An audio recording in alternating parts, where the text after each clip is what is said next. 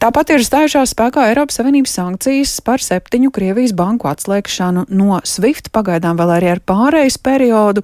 Šī informācija vairāk kārt ir daudzināta. Gribētos izprast, kā tas šobrīd ietekmē Latvijas banku klientus, un tādēļ Svetbanka pārstāvi Jāni Kropu arī esam aicinājuši zīsu sarunu. Labdien! Sveicināti! Tātad vispirms jau droši vien tā lielākā interese ir par, par uzņēmējiem, par firmām, kam nu, iespējams, ir bijuši kādi pārskaitījumi sadarbības partneriem Krievijā jāveic, jo nu, negribas taču palikt arī parādā. Vai te ir kas tāds, kas šobrīd tiek iesaldēts, kā tas ietekmē bankas klientus? Šobrīd vēl iesaldēts nekas netiek, jo pareizi jau bija pieminēts, ka atslēgšana no SWIFT notiek ar pārējais periodu. Tas pārējais periods ir desmit dienas. Tā kā principā datums, pēc kura vairs šie darījumi nevarēs tikt tādā veidā veikti, ir 12. marts.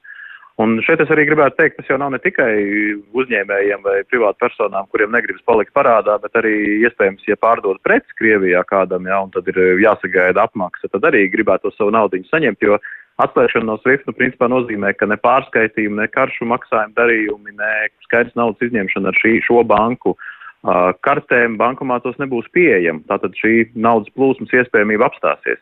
Un šeit ir tas moments, ka, protams, ir jāņem vērā, ka šis desmit dienu pārējais periods, tāpēc laikam varētu ieteikt pēc iespējas ātrāk mēģināt sakārtot šos finanšu darījumus, jo no 12. marta ar šīm bankām tāda maksājuma apmaiņa būs liekta. Mm, nu jā, droši vien kā pašiem klientiem, pašiem uzņēmējiem tas visticamākais jau ir zināms, sazinoties arī ar saviem darījumu partneriem, bet ja runājam par privātu personām, nu, iespējams, varbūt kādi mazāk vai lielāki pirkumi. Nu, nav noslēpums arī, ka daudziem Krievijā dzīvo radinieki, tāpat arī draugi, un, un zinot, ka tā situācija valstī kaimiņu valstī ierīnas iedzīvotājiem arī nav apskaužama. Ja gribētos palīdzēt kādam ar, ar nelielu naudas summu un pārskaitīt. Ja šie cilvēki ir minēto Krievijas banku klienti un viņiem tur ir rēķini, tas nozīmē, ka privāta persona arī veiktu kādu nelegālu darbību, kaut ko tādu, par ko varētu tikt sodīta, vai tas tomēr privātā līmenī vēl šajās dienās ir iespējams?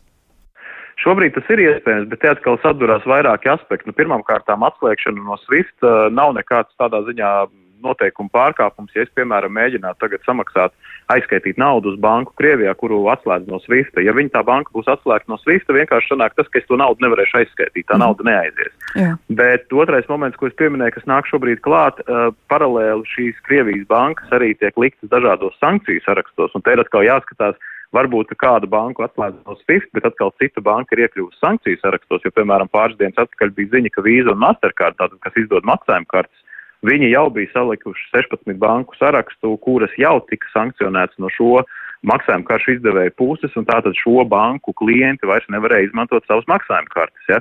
Tad līdz ar to, ja privāta persona grib aizskaitīt kādam draugam, radiniekam uz Krieviju šobrīd naudu, tad viņiem būtu jāpārliecinās ne tikai par to, vai šī drauga radinieka saņēmēja banka nav atslēgta no SWIFT pēc 12. marta. Viņiem arī vajadzētu kaut kādā veidā pārliecināties tur FKTK vai ārlietu ministrijas mājaslapā vai aktuālajos sankciju sarakstos, šī jaunā cita banka arī nav kādā sarakstā iekļauta, jo, piemēram, uz sankcionētajām bankām pārskaitījumus nevarēs veikt arī kaut vai šī drošības aspekta dēļ, jo uz sankcionētām bankām, protams, nedrīkst nekādā veidā skaitīt naudu, un tas ir atkal mūsu kā kredīti iestādes pienākums novērst šādas situācijas. Bet Swift gadījums ir drusku cits. Nu, Swift ir vienkārši tas, ka šajā gadījumā nebūs tehniski iespēja mm. veikt šo pārskaitījumu. Līdz ar to šajās dienās var just, ka ir tāds lielāka intensitāte norēķinoties uh, bankas klientiem ar šīm saviem sadarbības partneriem, kuriem ir Krievijā, var just, ka tas apjoms um, ir palielinājies? Es teiktu, interesi ir, protams, lielāka un ir ļoti liela neziņa, jo arī, nu, Komercbanku pusē visi arī gaida to aktuālāko informāciju, saprast, kuras bankas tiks sankcionētas, kurām bankām šis svits tiks liekas un tam līdzīgi.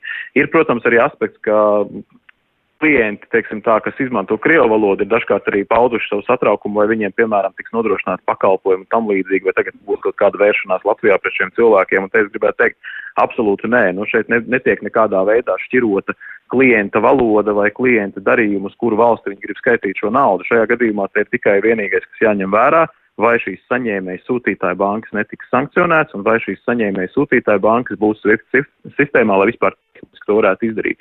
Tā kā, protams, interese jautājumi arī klientiem ir, jo neskaidrība ar to ir īpaša. Neskaidrības mm -hmm. laikā visi grib zināt, kas notiks, un ir ļoti grūti atlasīt to informāciju, jo viņi tiešām mainās ļoti ātri.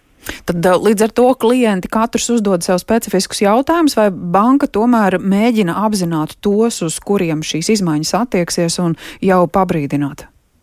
Šis ir dažādi, jo, piemēram, šobrīd arī bankas mājaslapā ir ielikti jautājumi un atbildes saistībā gan ar Ukrainas situāciju, gan ar maksājumiem, pārskaitījumiem Krievija, Baltkrievija, gan arī dažādiem citiem jautājumiem, jo, protams, ir arī klienti, kas atsaucās, piemēram, kā vispār mainīsies Latvijas banku darbība šajā laikā, tā kā arī uz tiem ir jāatbild. Uh, par apzināšanu ir tā, protams, atkal dažādi aspekti, jo, protams, ir dažādi klienti. Nu, protams, ir kaut kādi lielākie uzņēmumi, kuriem ir savi klientu apkalpošanas vadītāji, līdz ar to šie cilvēki, protams, ir saziņā. Bet tajā pašā laikā ir arī liela daļa klientu, kas ir, teiksim, tā masu segmenta klienti, nu, piemēram, pavisam mazu uzņēmumu vai privātu personas, kuriem nav tāda individuāla apkalpošana, jā, tad, protams, ar viņiem šī saziņa ir grūtāk. Otrs moments, kas jāņem vērā, nu, piemēram, šīs ziņas par atslēgšanu no SWIFT ir burtiski pāris stundu uh, svaigas, ja tādā Jā. ziņā, ka arī šī saziņa uh, ir apgrūtināta ar to, ka šī informācija nemitīgi mainās, jo, piemēram, arī mūsu pašu jautājumos, kad mēs liekam, mēs iekļaujam, piemēram, šīs Mastercard vīzas sankcionētās bankas, tad mēs uzreiz liekam atsauci, ja šis saraksts šobrīd tāds ir bijis, tas neko, piemēram, rītdienas saraksts nemainīties, ja. Līdz ar to, tāpēc mēs arī visur proaktīvi klientus, ja tiešām ir ļoti svarīga šī informācija, arī finanšu kapitāla tirgus mājaslapā var sekot līdz šiem sarakstiem vai arī ārlietu ministrijā. Viņa mājaslapā ir publicēti šie aktuālie saraksti, kur meklēt vispār informāciju. Nu, šeit ir tas grūtais manuālais darbs, ka principā dažkārt ir klientam arī jāpārbauda vairāk, vai tad jāmēģina sazināties mm. jau ar banku. Lielas paldies par šo informāciju Svetbanku pārstāvam Jānim Kropam. Runājām par Eiropas Savienības sankcijām, kas stājušās spēkā pret septiņām Krievijas bankām, tās atslēdzot no SWIFT sistēmas. Šis gan ir process, kam šobrīd vēl pārējais periods.